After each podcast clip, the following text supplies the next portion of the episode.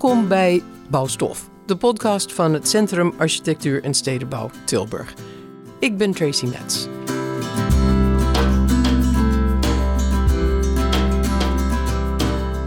Deze podcast is onderdeel ook van de talkshow van Cast, die ook Bouwstof heet.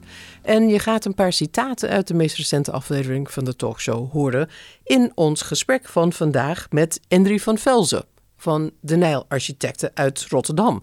Deze keer dus geen Tilburger te gast, maar wel iemand die intensief bezig is met Tilburg. En in het bijzonder met een project aan, de, aan het Burgerijpad. Dat is een CPO-project. En dat is architectentaal voor collectief particulier opdrachtgeverschap. Met andere woorden, je gaat zelf als individu, als particulier met een aantal andere particulieren ga je een project, meestal een woonproject, uh, realiseren. En dat is, zoals je je kunt voorstellen, vaak wel een ingewikkeld proces. Endri, hoe ben jij hierbij betrokken geraakt? Een selectie. Dus uh, de groep die, ja, die was net uh, samengesteld. er was een uitnodiging van de gemeente om mee te doen. dus er moest gelood worden en de eerste twintig die vormden een groep. En die uh, uh, moesten een architect hebben. Die hadden al een soort procesbegeleider die dat proces opstartte. En uh, ik deed mee en ik had kennelijk een goed verhaal en ik werd geselecteerd. Jullie hebben wel meer CPO-projecten in Rotterdam en Dordrecht, als ik me niet vergis. Ja, dat klopt. Dus dat speelde ook mee in die selectie. Dat je ervaring omdat ik, had. Dat ik ervaring had en dat ik ook iets kon vertellen over hoe ik zo'n proces en zo'n project zie. Ja. We gaan luisteren om te beginnen naar een citaat van Peter Nouwens. Hij is uh, oud-bestuurder van een grote zorginstelling. En hij is, nou, min of meer contrekeur, voorzitter geworden van de bewonersvereniging van Burgerijpad. Hij gaat iets zeggen waar wij het daarna over gaan hebben, over hoe deze project is opgestart. De gemeente had niet zoveel voorwaarden. Had de gemeente die voorwaarden maar gesteld. En de gemeente stelde dat de, de woningen gebouwd uh, zouden moeten gaan worden onder leiding van een supervisor, dus een stedenbouwkundige. Ja, en dat was in dit geval. De Nijl-architecten ja. uit, uh, uit Rotterdam. Ja. En, en, die is er nog bij betrokken. Ja. Maar het bijzondere ook wel was dat van de 17 woningen er uh, 10 architecten zijn. Dus elke kavelhouder die schakelt zijn eigen architect Ja. in. Wat op zich al uh, tamelijk ingewikkeld was Nou. om dat uh, allemaal op elkaar af te stemmen. Dat lijkt me ook. Het klinkt, Endri, als een recipe voor disaster. Zoveel architecten, zoveel bewoners, ieder hun eigen wensen. Waar is de coördinatie in dit project? Waar ben je toch aan begonnen, jongen? Ja, dat, uh, als, je, als je dat van tevoren had geweten, dan uh, had je er misschien nog een keer over nagedacht. Maar bij dit soort projecten is eigenlijk uh, de, degene die het initiatief heeft, in dit geval de gemeente, die heeft uh, dat opgezet. Die bepaalt de regels van het spel. En Peter zegt dat er uh, weinig voorwaarden waren. Uh, je zou ook kunnen zeggen, er waren te veel voorwaarden die niet met elkaar matchten.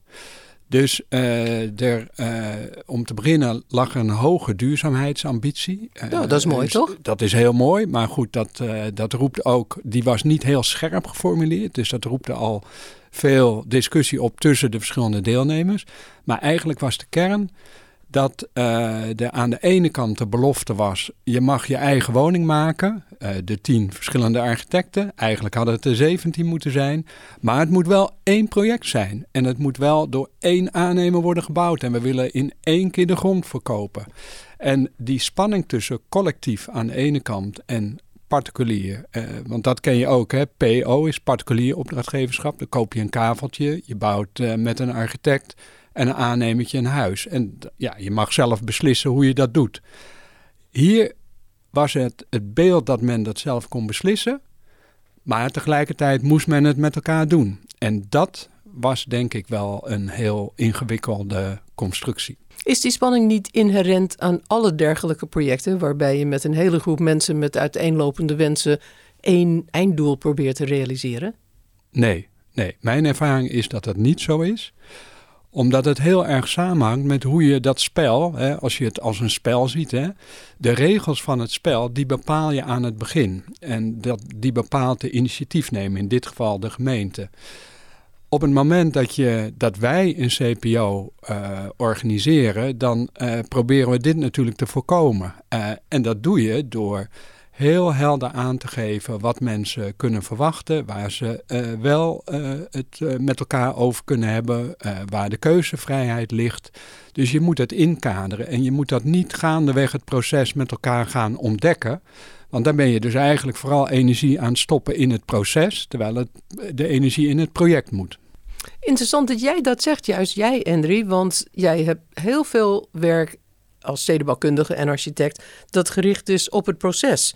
Je bent eh, net benoemd als bouwmeester voor wijkvernieuwing in Groningen. Uh, je komt zelf uit de wijk- en stadsvernieuwing. Heel veel van jouw werk gaat over participatie. Dus ja, op zichzelf zou je hier niet van moeten opkijken, zou je denken. Nee, daarom vind ik CPO ook leuk. Dus uh, participatie, dat is de kern van, van, van ons werk. Maar tegelijkertijd is het ook een vak. Dus architectuur is een vak, bouwen is een vak, stedenbouw is een vak. Dus je moet uh, particulieren ook niet opzadelen met alle ins en outs van dat vak. Net zoals je een rechtszaak hebt, dan schakel je een advocaat in om dat voor jou te doen. Dus je moet werken aan vertrouwen met die particulieren. En dat doe je door ze niet overal mee te belasten, uh, maar ze wel bij de juiste dingen te betrekken. Had de gemeente dit niet beter kunnen weten? Want dit is niet het eerste project uh, op het gebied van collectief particulier opdrachtgeverschap in Tilburg, toch? Ik ken de Tilburgse geschiedenis rond CPO niet uh, heel goed, maar ik kan me voorstellen dat dit niet het eerste project is. In Brabant is sowieso veel ervaring met CPO. Brabant, de provincie, heeft daar ook echt een uh, ding van gemaakt tien jaar geleden. Uh, dus die ervaringen zijn er. Maar ik denk dat het, uh, dat, dat uitgiftedocument waar de regels van het spel werden bepaald. Uitgiftedocument, uh, de naam ja, alleen al. Ja, dus uiteindelijk verkoopt de gemeente Tilburg de grond. Dat doe je door gronduitgifte. Vandaar dat het een uitgiftedocument heette. De voorwaarden waaronder de grond uitgegeven werd. En daarmee werd dus eigenlijk dat proces georganiseerd. En ik denk dat degene die dat heeft opgesteld zich niet voldoende heeft gerealiseerd wat een CPO-project eigenlijk is. Uh, en dat komt natuurlijk vaker voor. En uh, ja, dan komen er meerdere wensen in zo'n uitgiftedocument terecht. Aan de ene kant willen we risico vermijden, dus we gaan niet 17 kaveltjes apart verkopen. Want stel dat we er met twee blijven zitten, en aan de andere kant, uh, ja, maar het moet niet een eenheidsworst worden. Dus iedereen moet wel maximaal zijn ding kunnen doen. Ja, en als je dat niet goed doordenkt wat dat dan betekent en je schrijft dat allemaal op, dan moet de groep dat straks allemaal maar met elkaar zien uit te zoeken. En dat is gebeurd. Een paar collectieve dingen zijn niet gebeurd die je eigenlijk zou verwachten van zo'n project. Er is bijvoorbeeld niet nagedacht over een gezamenlijke oplossing van de hele energievoorziening van dat gebouw. Uh, ik begrijp dat er geen collectieve tuin is, of ook niet is besloten om geen collectieve tuin te nemen. Ergens is een afslag gemist. Ja, maar dat heeft dus te maken met het verwachtingsmanagement. Om dat uh, vreselijk woord maar even te gebruiken. Die werd opgeroepen door dat uitgifte-document, uh, of eigenlijk de verwachtingen. Hè? Dus uh, men dacht dat men de eigen woning ging maken. En ja, dat moest dan maar met 17 anderen. En uh, ja, daardoor was eigenlijk de primaire blik gericht, uh, heb ik ervaren, op de eigen woning. En uh, omdat er ook nog veel gedoe was over allerlei zaken, interpretaties van het uitgiftedocument enzovoorts, is eigenlijk nooit toegegroeid naar een gevoel van collectiviteit. En we willen echt samen dingen doen. Dus ja, we moeten samen dingen doen, maar heel praktisch, hè, want we moeten samen die grond kopen. Dus we moeten vereniging en we moeten samen aannemen. Maar dat je ook meer ideologisch, idealistisch uh, samen dingen wil doen. Energieinkoop, uh, een gemeenschappelijke tuin. Ja, dat, daar, daar was eigenlijk geen ruimte voor. Door die fixatie op, uh, ja, eigenlijk de, ja, toch het, het, het, het vinden van een samenwerkingsvorm. En ook de verschillende ja, opvattingen over hoe men daar wilde wonen. Burgerijpad wordt nu gebouwd. Ja. Ik ken het alleen van tekeningen, want je kan op de bouwplaats nog niet echt zien hoe het gaat worden. Ik moet zeggen, als ik naar de tekeningen kijk, denk ik, nou, mooi, kek, strak, hedendaags. woongebouw. En ik vind dat het in ieder geval op de tekeningen wel degelijk als een eenheid eruit ziet. Hoe kijk jij ernaar als supervisor en als architect? Ja, het is ook een eenheid. Dus uh, de. Um, Die heb je voor de poorten van de hel weggesleept. Nee, nee, nee, nee, nee, nee. uh, kijk, er zijn hele simpele middelen om eenheid te maken. Dus we hebben één baksteen gekozen. er is één, één kozijn, natuurlijk met verschillende indelingen was ook de mogelijkheid om, om hout voor de voordeuren te gebruiken. Er zaten een paar minimale, laten we zeggen, keuzemogelijkheden uiteindelijk in de materialisatie. En uh, ja, via de materialisatie is, is er uh, eenheid gemaakt. Ook wel via maatvoering. Dus ik heb in de verkaveling, ook omdat er voortdurend mensen in en uitstapten in die beginfase, ik moest ook een verkaveling maken. Heb ik een verkaveling gemaakt uh, met een aantal vaste maten. Dus 6 meter, 7,5 en 9. Hè. En dan kun je dus ook, dat zijn de breedte van de woningen? Ja, de breedte van de woningen. En die, kun je, die kon je dus ook combineren. Dus dat is ook wel gebeurd. Maar daardoor zie je ook wel dat er een soort parcellering is. Waarin die maten telkens terugkomen. Dus een. Uh, en uh, daar is ook op gewerkt dat het wel allemaal panden zijn. Dus uh, je hebt een soort ritme van die panden. En ja, de verschillen in, in gevels en dergelijke worden dan via het materiaalgebruik een beetje samengebonden. Ben je tevreden met het resultaat, voor zover je dat nu kunt overzien? Zou je het architectonisch anders hebben gedaan nu? Nee, omdat uiteindelijk het voorlopig ontwerp van al die huizen zijn door die tien verschillende architecten gemaakt. Dus wij hebben hier in dit project niet, uh, laten we zeggen, ons handschrift laten zien. Dus wij zijn in dit project eigenlijk heel dienend geweest naar de bouwkundige uitwerking toe. Maak je dat ook eens mee als architect? Ja, ja, dat is waar. Ja, um, kijk, dat hoort ook wel een beetje bij dit soort uh, projecten. Maar het is niet uh, wat wij vaak doen, dat wij dus echt als uitwerkend architect uh, uh, werken. Maar hier dat was een hele wonderlijke hamburger eigenlijk, want we waren aan het begin dus, hadden wij de lead in ja, de kavelverdeling, het, het, begeleiden van de verschillende architecten, dus eigenlijk het, het, het verder op de rails brengen van het project. Dan had je een fase met individuele architecten. En daarna, dus eigenlijk het, het, andere broodje van hamburger, ja, moesten we dat uh, verder uitwerken, uh, bouwkundig. En dus ja, dan kom je ook allerlei praktische zaken tegen, materiaalkeuzes uh, met elkaar. Dus we hadden een soort wonderlijke rol, niet alleen uitwerken, maar ook juist in het begin een aantal dingen doen. En dat, ja, dat maakt het toch bijzonder. Als het gaat over nieuwe modellen voor gezamenlijke woningbouw, voor projecten die mensen samen en op eigen initiatief opstarten, daar willen we allemaal naartoe. Minder uh, alles van bovenaf laten komen, maar meer het heft in handen nemen. Wordt er veel gekeken naar de bouwgroepen in Berlijn. Ook door jou. Wat is een bouwgroep eigenlijk? Ja, bouwgroepen, dat uh, heb ik samen met Jeroen Geurst en Joost Kuhne, twee collega's, hebben dat een jaar of tien geleden hebben we dat opgezet. We hadden ook wat connecties met Berlijn. Joost deed uh, kleinschalige ontwikkelingen in Rotterdam. Uh, ik had ervaring vanuit stedelijke vernieuwing. Vlaanderen, volledig bouw van begin tot eind. Dat hebben we gebundeld. Het bijzondere van bouwgroepen is dat de architect eigenlijk een initiatiefnemer is. En eigenlijk, ik had het eerder over de regels van het spel de architect dus ook de regels van het spel uh, um, bepaalt. Dat doen we, um, ja, dat doen we natuurlijk uh, met oog op uh, maximale betrokkenheid van onze deelnemers. Maar we kunnen daarmee, en dat hebben we in Berlijn gezien, dat is ook kenmerkend voor die bouwgroepen, dat geeft wel structuur voor zo'n groep. En dat is ontzettend belangrijk. Uh, structuur, overzicht, een soort spoorboekje waarlangs je die ontwikkeling doet. Dat mensen eigenlijk worden meegenomen en dat niet allemaal zelf hoeven uit te vinden. Klinkt als een gouden oplossing en ook zo, zo logisch. Ik heb begrepen dat een van de problemen ook voor verschillende bewoners van Burgerijpad, ik heb een paar gesproken, was dat ze ontdekten dat ze ook financieel niet wisten waar ze aan toe waren. Ja, dat heeft mij zeer verbaasd in dit project. Uh, de CPO-projecten die wij zelf hebben opgezet, daar maken wij aan de voorkant wat wij noemen een financieel kader. Dus dat is eigenlijk uh, een moeilijk woord of een makkelijk woord voor een, uh, voor een vastgoedexploitatie. Dus alle kosten met een, die met het project gemoeid zijn, grond, bouw, bijkomende kosten, die zetten we op een rij. Waardoor er ook een beeld is wat zo'n project kost.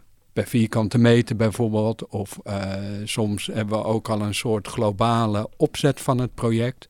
Dus dan weten mensen waar ze aan toe zijn. En dat helpt ook enorm in de besluitvorming, omdat wij in de statuten vast laten leggen dat dat financieel kader samen met de hoofdopzet van het plan bindend zijn. Dus als mensen lid worden van de vereniging, de ontwikkelvereniging, dan weten ze van elkaar ook dat iedereen als het ware tekent voor de hoofdopzet van het project. Zowel organisatorisch als financieel als uh, architectonisch. En dat is ontzettend belangrijk, want daarmee ontstaan er geen discussies van gaan we linksaf of gaan we rechtsaf of uh, het wordt te duur. Of zolang het binnen die kaders blijft, is er geen discussie, heeft het bestuur ook mandaat. Klinkt heel helder, heerlijk. Ja, ja, ja, ja, dat, is, uh, ja het, dat, dat heeft mij dus in dit project ook verbaasd, dat dat er allemaal niet was. Volgende keer vast wel. Nou, daar gaan we het zo over hebben tot slot. Nog even een vraag die uh, heel groot is. Groter dan Tilburg, eigenlijk groter dan Nederland. Als je ook kijkt naar de Berlijnse bouwgroepen.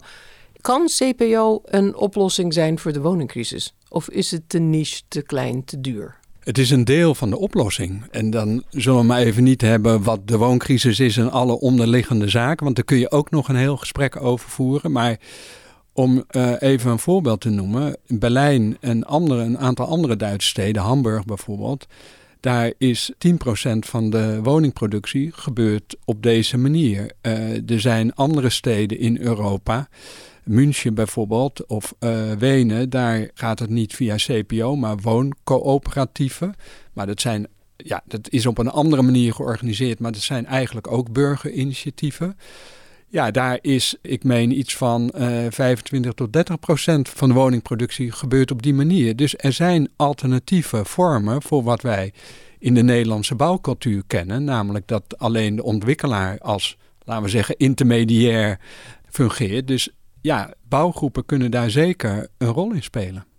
En CPO voor in Nederland, in de Nederlandse verhoudingen? Heeft het toekomst? Heeft zeker toekomst. Kijk, we zijn ontzettend verwend door uh, de enorm boemende woningmarkt.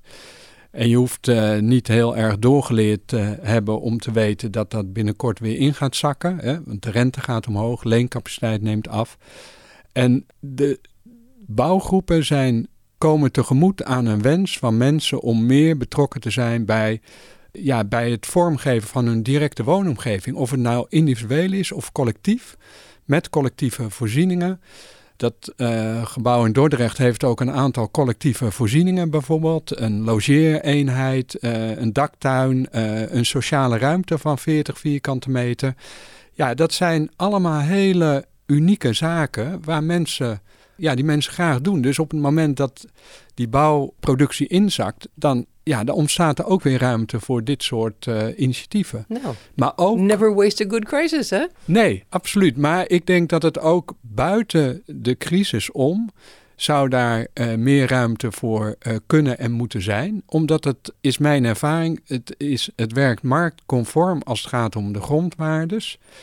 En uh, wij kunnen dat in Rotterdam en in Dordrecht hebben wij dat net zo snel gedaan als een ander project. Dus er staat niks in de weg om het te doen. In de talkshow Bouwstof vroeg uh, de interviewer Peter Nouwens of hij nog steeds uh, blij was met wat hij denkt dat het gaat worden. Dit is wat hij zei. Kijk, CPO, jij noemde het al, collectief particulier opdrachtgeverschap. Mijn ervaring is eh, dat de afkorting beter staat voor continu problemen oplossen. nou, ondanks uh, alle strijd die er geleverd is met, uh, over allerlei items, ook intern, maar de, waar de sfeer de animo de, en de ambities ook om het, om het, het project te voltooien, die is er nog steeds. Nou, ik was blij dat te horen dat hij na alle moeite toch nog blij is met wat hij denkt dat het gaat worden als hij hier eind van het jaar komt te wonen. Er komt een evaluatie, denk ik. Wat ga jij tegen de gemeente Tilburg zeggen, tot slot? Ja, maak dat proces veel eenvoudiger. Dus uh, uh, denk beter na over dat uitgiftedocument. Uh, En ik, ja, ik denk dat er veel lessen uit dit project te trekken zijn. En zorg dat de saamhorigheid die Peter uitspreekt, die eigenlijk ontstaan is tegen de klippen op. Hè? Dus je kunt ook samen een band vormen omdat je strijdt tegen allerlei zaken. Maar dat is wel heel moeizaam. Dus ik zou het wel heel mooi vinden als die saamhorigheid uit de energie, de positieve energie van zo'n project kan komen. En het kan, dat is elders bewezen. Het is, ik ben altijd nog meer dan welkom in Dordrecht. Die mensen zijn echt, ja, we hebben dat samen gedaan. Dus je ontwikkelt ook een enorme band met de mensen die je, uh, ja, waar, waarmee je het doet. En nou, je bent vast ook nog welkom in Tilburg hoor, Hendry. ja, waarschijnlijk wel. Maar dan als medestrijder. En eigenlijk zou het veel leuker zijn als je, als je ja, niet in termen van strijd daarover hoeft te spreken. Mooi, mooi. Dankjewel, Hendry van Velzen van De Nijl Architecten. Dit was de podcast Bouwstof. Ik ben Tracy Metz. Ik hoop dat je met plezier hebt geluisterd en zult blijven luisteren naar deze mooie podcast van Centrum Architectuur en Stedenbouw Tilburg.